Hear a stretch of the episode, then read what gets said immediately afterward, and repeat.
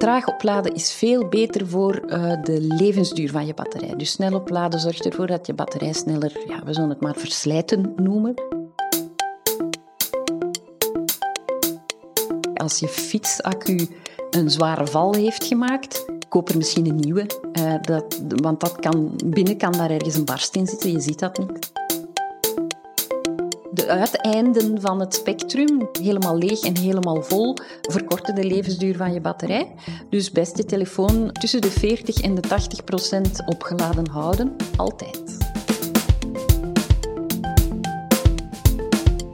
Een elektrische auto. Vroeg of laat moeten we er allemaal aan, als je een auto wilt tenminste. Vanaf 2035 mogen er in heel Europa geen nieuwe auto's op benzine of diesel meer worden verkocht. Dat betekent ook dat er enorm veel batterijen nodig zijn voor al die auto's. En hopelijk kunnen we die tegen dan ook wat sneller opladen. Over die kwesties wil ik het vandaag hebben in een nieuwe aflevering van Vraag het aan, de podcast van EOS Wetenschap. Ik ben Lisbeth Gijssel en bij mij zit EOS-collega Ilse Boeren.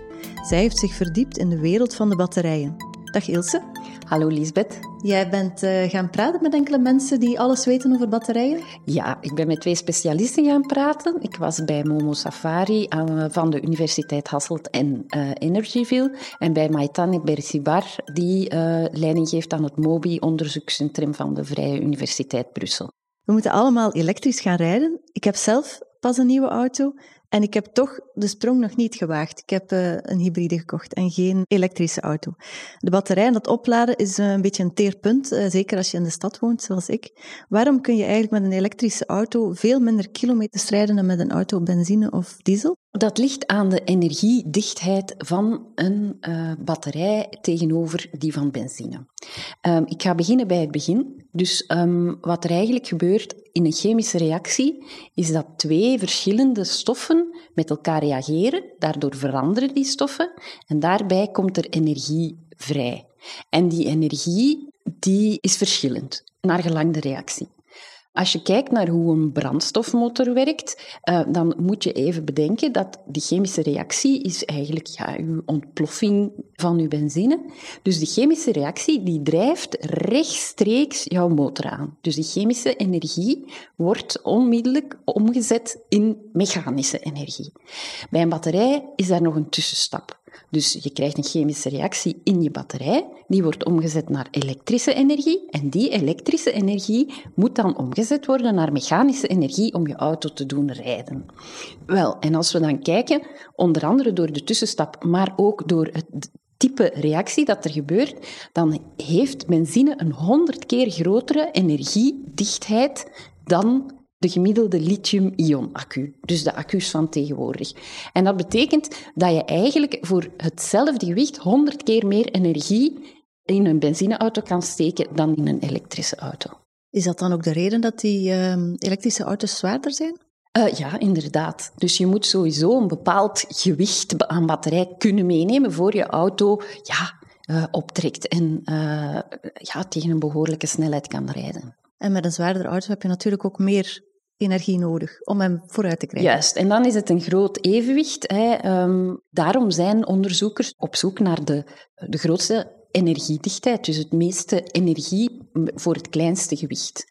Als je de huidige elektrische auto's zou willen laten uh, rijden op uh, de loodzuuraccu's, dus de, de, de accu die in een verbrandings motorauto zit, uh, dan zou je daar bijna een vrachtwagenlading van nodig hebben om die auto aan te drijven. Dan zou je natuurlijk jouw vrachtwagen nog niet doen rijden. Je begrijpt, ja, ja, ja. Uh, je begrijpt het dilemma. Hè? Ja, ja. En dan is er ook nog de kwestie van het uh, laden eigenlijk. Het laden van een elektrische auto duurt veel langer dan, het, uh, dan een tankbeurt van een benzinewagen. Mm -hmm. uh, hoe komt het dat dat zo lang duurt? Um, dat is vooral voor de veiligheid. Dus um, batterijen zijn ingewikkelde systemen en die kunnen een soort van onevenwicht krijgen, waardoor dat je een oncontroleerbare chemische reactie krijgt. En dat gebeurt gemakkelijk, of eigenlijk altijd, als je een batterij overlaat.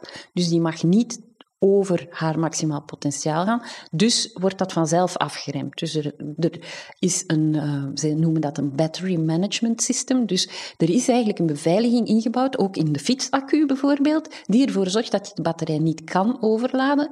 Dus ze laat snel op tot zo'n 80% en dan vertraagt het automatisch om ervoor te zorgen dat ze nooit boven die uh, zogezegde 100% geraakt. En dat moet ook, anders kunnen er veel te veel dingen mislopen. De onderzoekers zeiden van, we mogen dus niet verwachten dat we ooit op één minuut onze auto gaan uh, kunnen tanken. Maar ze zijn er heel erg mee bezig en het zou toch binnen een kwartier zou het wel moeten kunnen. Maar gaat het dan niet wel sneller als je bijvoorbeeld, is het dan geen idee om je auto maar 80% op te laden? Uh, ja, dat is uh, ook wat ze tegenwoordig vaak aanraden. Hè. Dus laat hem 80% op en rijd dan verder. Natuurlijk, ja, dan is je batterij niet vol. Maar dat is in de nabije toekomst dan uh, wel uh, te voorzien. Het, dat kwartier, het, kwartier, het kwartier zit erin, volgens de onderzoekers. En dan voor volledig opladen. Dus niet die 80%, maar op een kwartier volledig opladen, daar wordt aan gewerkt. Ja, en dat zou dan waarschijnlijk zijn bij zo'n snel laadstation? Ja, dus dat inderdaad. Thuis opladen zal altijd wel lang duren? Ja, en dat is, ook, um, dat is ook een goed idee, volgens de onderzoekers. Dus um, traag opladen is veel beter voor de levensduur van je batterij. Dus snel opladen zorgt ervoor dat je batterij sneller, ja, we zullen het maar verslijten noemen, dus kleine mankementen begint te vertonen. Dus snel opladen is uh, volgens de onderzoekers iets om uitzonderlijk te doen. En dat zal waarschijnlijk ook zo blijven. Dus de snellaadstations kan je beter niet altijd gebruiken? Dan? Nee, snellaadstations is ja, voor op vakantie, uh, zei uh, Bersibar. Uh, maar als je thuis bent of naar kantoor gaat waar je een laadpaal hebt, kan je rustig je auto aan, de trage, aan het trage laadstation zetten. Uh, dat is eigenlijk het beste. Dus uh, naast het trager opladen en dat je er minder kilometers mee kunt doen, is er ook nog de kwestie van de prijs natuurlijk. Mm -hmm. um, elektrische auto's zijn over het algemeen duurder dan benzineauto's of dieselauto's. Ligt dat ook aan die batterij? Ja, dat speelt alleszins een rol. Um, dus in veel batterijen zitten dure materialen. De NMC-batterij, daar zit nikkel, mangaan, uh, kobalt in. Allemaal heel zeldzame en dure stoffen. Lithium op zich is ook niet goedkoop. Ten tweede is een batterij iets ingewikkeld, dat zei ik al. Dus je hebt eigenlijk een, al een computersysteem in die accu zitten die ervoor moet zorgen dat die niet oververhit, dat je inderdaad niet kan snel laden tot 99 procent, uh, enzovoort, enzovoort. Dus dat zijn ook allemaal dure systemen. Uh, ten derde is er natuurlijk de schaal waarop dat je produceert. Hè. Uh, we beginnen nu nog maar net aan die megabatterijfabrieken te geraken. Die worden eigenlijk ja, terwijl wij hier ons gesprek voeren, gebouwd. Uh, dus op hoe groter de schaal is, hoe goedkoper je kan produceren. Maar om het op dergelijke grote schaal te doen, moesten natuurlijk alle processen wel in orde zijn. Dus dat, dat zijn allemaal dingen die tijd nodig hebben. En dan, ja, nog een economisch argument is natuurlijk het feit dat doordat fossiele brandstoffen al zoveel jaar in een machtspositie zitten dat zij de markt betalen. Zij kunnen onder de prijs verkopen. De milieukosten van de fossiele brandstoffen zijn nog nooit meegerekend.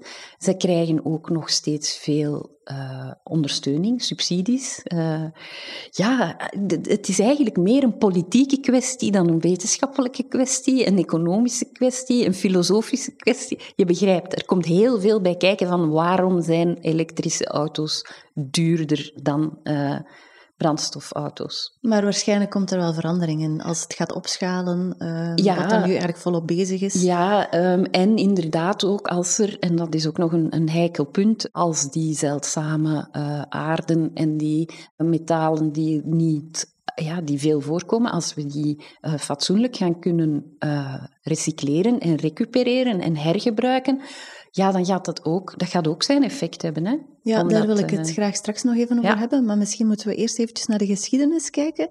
Want elektrische auto's die bestaan eigenlijk al uh, meer dan 100 jaar. Hè? Mm -hmm. uh, hoe komt het eigenlijk dat die nu pas doorbreken? Ja, dat ligt eigenlijk vooral aan onze milieubewustzijn. Een, een brandstofmotor is eigenlijk heel eenvoudig.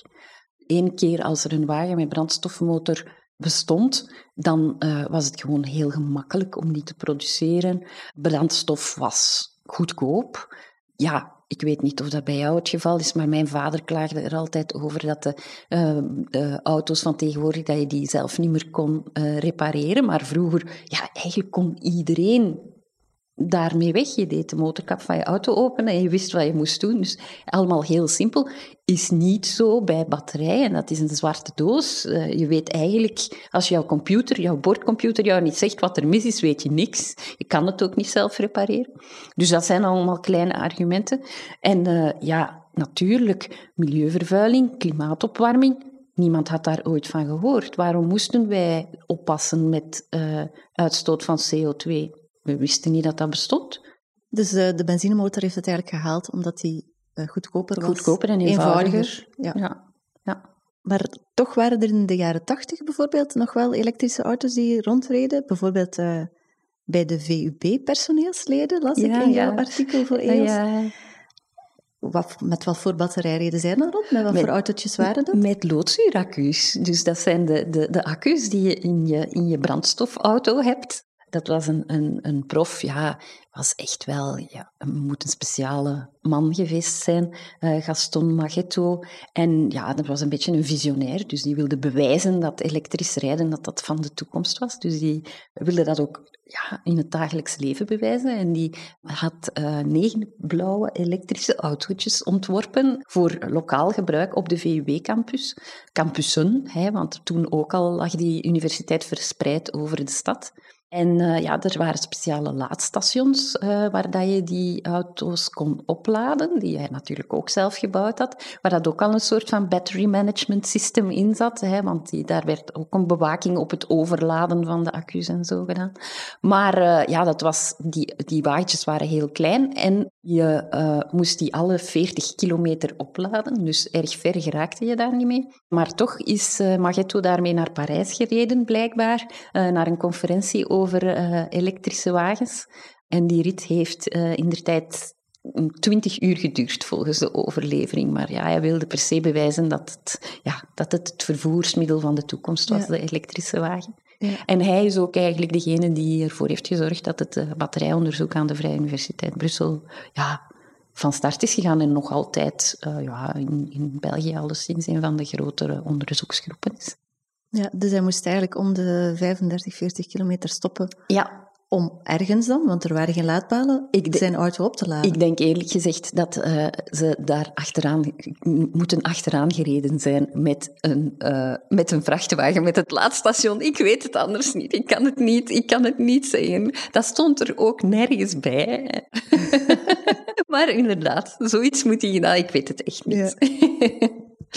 Laten we eens kijken naar de batterij dan. Hè. Um, tegenwoordig zijn dat allemaal lithium-ion batterijen. Mm -hmm. um, wat zit er eigenlijk precies allemaal in? Je had het daar juist al over een aantal stoffen. Ja. En, um, hoe lang zijn die er al, die lithium-ion? Zijn die beter dan de vroegere batterijen en waarom? Ja, dus ik ga eerst al uitleggen, lithium-ion batterijen. Er zijn heel veel verschillende soorten lithium-ion batterijen. De eerste zijn uh, op de markt gekomen in 1991, als ik mij niet vergis.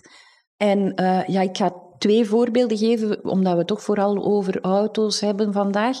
Dus de twee meest voorkomende lithium-ion batterijen in auto's tegenwoordig zijn de uh, lithium-ijzerfosfaat uh, batterij en de lithium-mangaan-nikkel-kobalt batterij. En dus um, het idee is van een batterij sowieso, is dat er aan de anode elektronen afgesplitst worden, die je dan kan gebruiken om een uh, stroom uh, te creëren om je toestel op te laden, of je wagen te doen rijden in dit geval. En dat die elektronen dan aan de andere kant weer in de batterij komen en terug uh, opgenomen worden door de, de stof die daar zit. En dus lithium zit er sowieso in, uh, in die lithium-ion batterijen. Maar daarnaast zijn de materialen van de kathode meestal, soms ook van de anode, dan bijvoorbeeld mangaan, nikkel, kobalt of ijzerfosfaat of enzovoort. Er zijn nog types lithium-ion batterijen, maar die twee komen het meeste voor. Dus naar gelang het type heb je dan die andere stoffen daar ook nog in. En de uh, reden waarom die eigenlijk meer en meer op de markt komen, is dat zij een veel hogere energiedensiteit hebben dan de vorige types van batterijen. Dus dan die loodzuuraccu's. Dus dat betekent dat je lichtere batterijen kunt maken Waardoor dat je bijvoorbeeld inderdaad de, de, de maximale afstand die je met je elektrische wagen kan afleggen vergroot.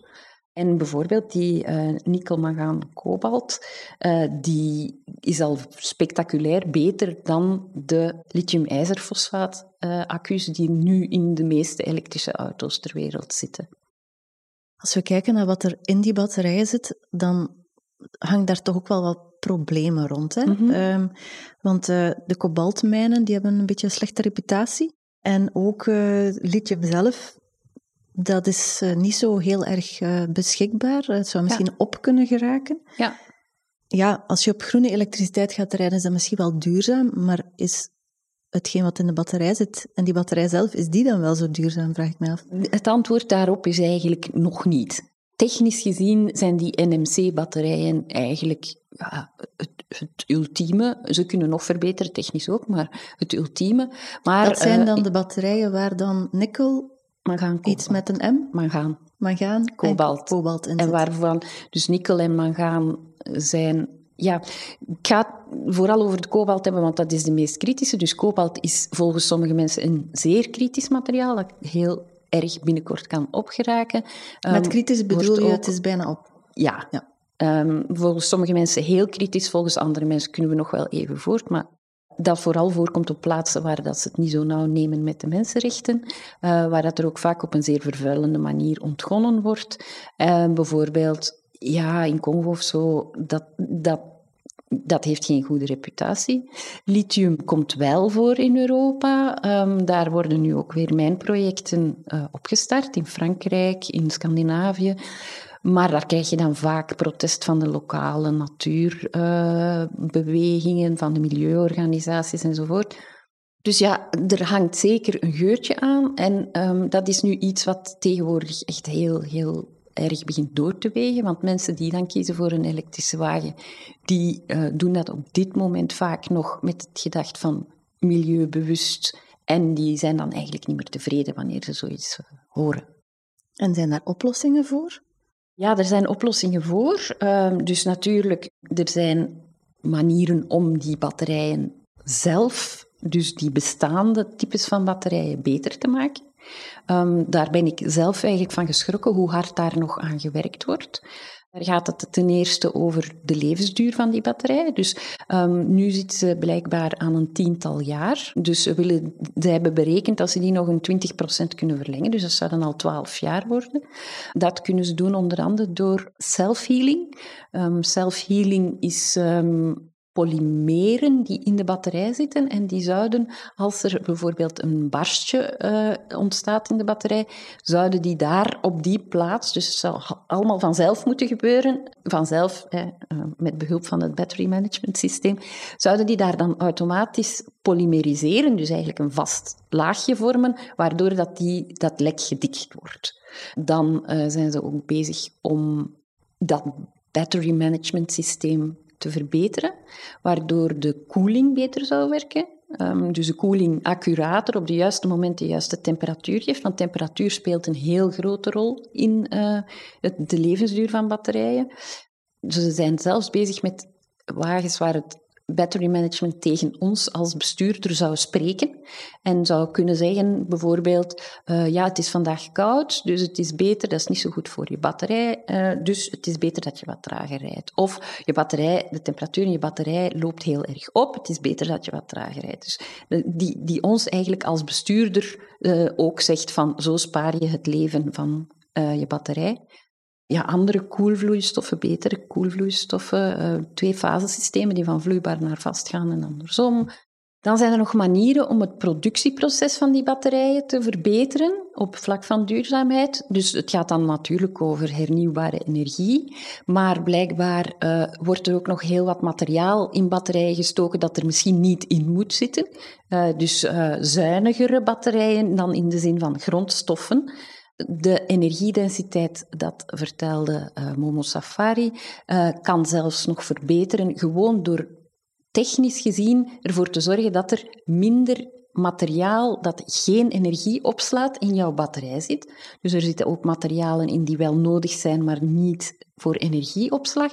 Dus zij werken aan manieren om die ja, te verminderen. Dus dan krijg je sowieso minder gewicht voor dezelfde energie, dus is je energiedichtheid verbeterd. En dan hebben we natuurlijk nog de kwestie batterijen tweede leven. Dus uh, batterijen die je niet meer kan gebruiken in je elektrische wagen, die hebben blijkbaar nog een hele hoop cycli die ze bijvoorbeeld wel als opslag in je huis voor je zonnepanelen uh, kunnen doen. Um, als thuisbatterij dan? Als thuisbatterij. Um, dus daar wordt uh, nu ook veel onderzoek naar gedaan. Wanneer moeten ze van hun eerste leven naar hun tweede leven? Dus wat is het, het optimale moment om over te schakelen op niet meer rijden, enkel uh, ander gebruik, dat veel constanter is. En ook, wanneer is hun tweede leven ten einde? Is er dan nog een derde leven mogelijk? Of moeten we dan recycleren? Wat is het ideale moment om een batterij uit elkaar te nemen? En dan zitten we vanzelf bij de volgende stap, waar er ook nog erg veel uh, werk aan is, is de recyclage zelf. Dus die processen staan nog niet uh, op punt en zeker niet op grote schaal. Terwijl als we effectief vanaf 2035 uh, eh, allemaal elektrisch gaan rijden, gaan er ook veel versleten batterijen op ons afkomen. Dus die recyclageprocessen, daar wordt ook nog veel onderzoek aan gedaan. En als er dan inderdaad het ideale proces op punt staat, dan moeten we daar ook weer gaan denken aan mega-recyclagefabrieken, ik zal het zo maar noemen. Dus er, er is nog, eh, zelfs al is uh, nikkel, mangaan, kobalt niet de beste oplossing, er is nog heel veel mogelijk om die batterijen ook te verbeteren. En volgens de onderzoekers is het ook zeker nuttig van dat te doen, omdat elke andere technologie nog jaren op zich kan laten wachten, jaren tot decennia. Zij zeggen ook, die lithium-ion batterijen hebben meer dan twintig jaar nodig gehad om op deze, op, op deze ja, op deze schaal geproduceerd te kunnen worden, om deze capaciteit te hebben, om deze gebruiksvriendelijkheid te hebben. Als we nog eens twintig jaar nodig hebben met een volledig nieuwe technologie, dan zijn we te laat. Dus we moeten ervoor zorgen dat, dat we deze technologie in elk geval zo goed mogelijk verbeteren en ondertussen onderzoek doen naar alternatieven. Als eh, je zegt een, een batterij van een elektrische auto gaat nu gemiddeld zo tien jaar mee, Betekent dat dat die dan na verloop van tijd steeds uh, sneller plat gaat, ja. zoals we merken bij een andere batterij? Inderdaad, daar komt het eigenlijk op neer. Dus um, ja, ze, ze, vergelijken batterijen vaak met mensen. Dus uh, ze krijgen ouderdomsdefectjes. Er zijn dingen die niet meer zo goed gaan. En dat betekent effectief, al die kleine ouderdomsdefectjes betekenen uh, dat, dat ze minder energie kunnen opslaan per uh, oplaadbeurt. Dat ze dus eigenlijk nooit meer aan hun... Dat 100% nooit meer de 100% van in het begin is. Bijvoorbeeld, een van de dingen die er kunnen mislopen is dat de lithium-ionen vast komen zitten, blijkbaar. Dus dat ze niet meer van de ene pool naar de andere gaan. En dan, ja, dan, dan is er een stuk van de energiedrager die geen energie meer kan verplaatsen. En ja, dan heb je een probleem. Wat gebeurt er dan eigenlijk met een auto die uh, een, um, een batterij heeft die ten einde is? Wordt uh, daar een nieuwe batterij gezet? Dat of moet je die auto wegdoen? Nee, dat kan wel. Maar eh, eerlijk gezegd, Lisbeth, dat is nog zoiets, dat zeiden de onderzoekers ook. Hoeveel mensen in België rijden er tien jaar met hun auto? Ik denk nu wel dat de meeste auto's wel een jaar of twintig meegaan in een tweede of een derde ja, maar leven. Wie wil tweedehands verkocht. Wie wil dat? Ja, nu is er een grote markt voor, um, voor uh, tweedehandswagens. Ja, vooral omdat de mensen nog niet aan de elektrische wagen durven. Eerlijk gezegd, uh, de meeste mensen willen, willen geen tien jaar met hun wagen rijden. Uh, dus dat is ook nog zoiets. Hè? Dus dat betekent dat als je hem verkoopt, kan je dan ook meteen een nieuwe batterij steken. Je sprak over alternatieven voor de lithium-ion batterij. Um, dat maar die zullen natuurlijk nog lang op zich laten wachten, zoals je al zei. Maar waaraan wordt er dan gedacht? Dan zijn er eigenlijk twee technologieën die ik dan als voorbeeld kan uh, aanhalen. Natrium-ion batterijen. Natrium, uh, zoals de meeste mensen wel weten, is zout. Dus het zijn uh, eigenlijk, die gebruiken ja, natrium, dus zeezout, dat erg veel voorhanden is in plaats van lithium. Dus die zouden een heel groot voordeel hebben op vlak van duurzaamheid. Um, daar wordt, heel hard aan gewerkt. En dan zijn er uh, de vaste stofbatterijen. Die dat eigenlijk volgens de onderzoekers al behoorlijk ver gevorderd zijn. Die werken ook nog met lithium, uh, maar die gebruiken bijvoorbeeld geen kobalt, dus dat kritisch materiaal al niet.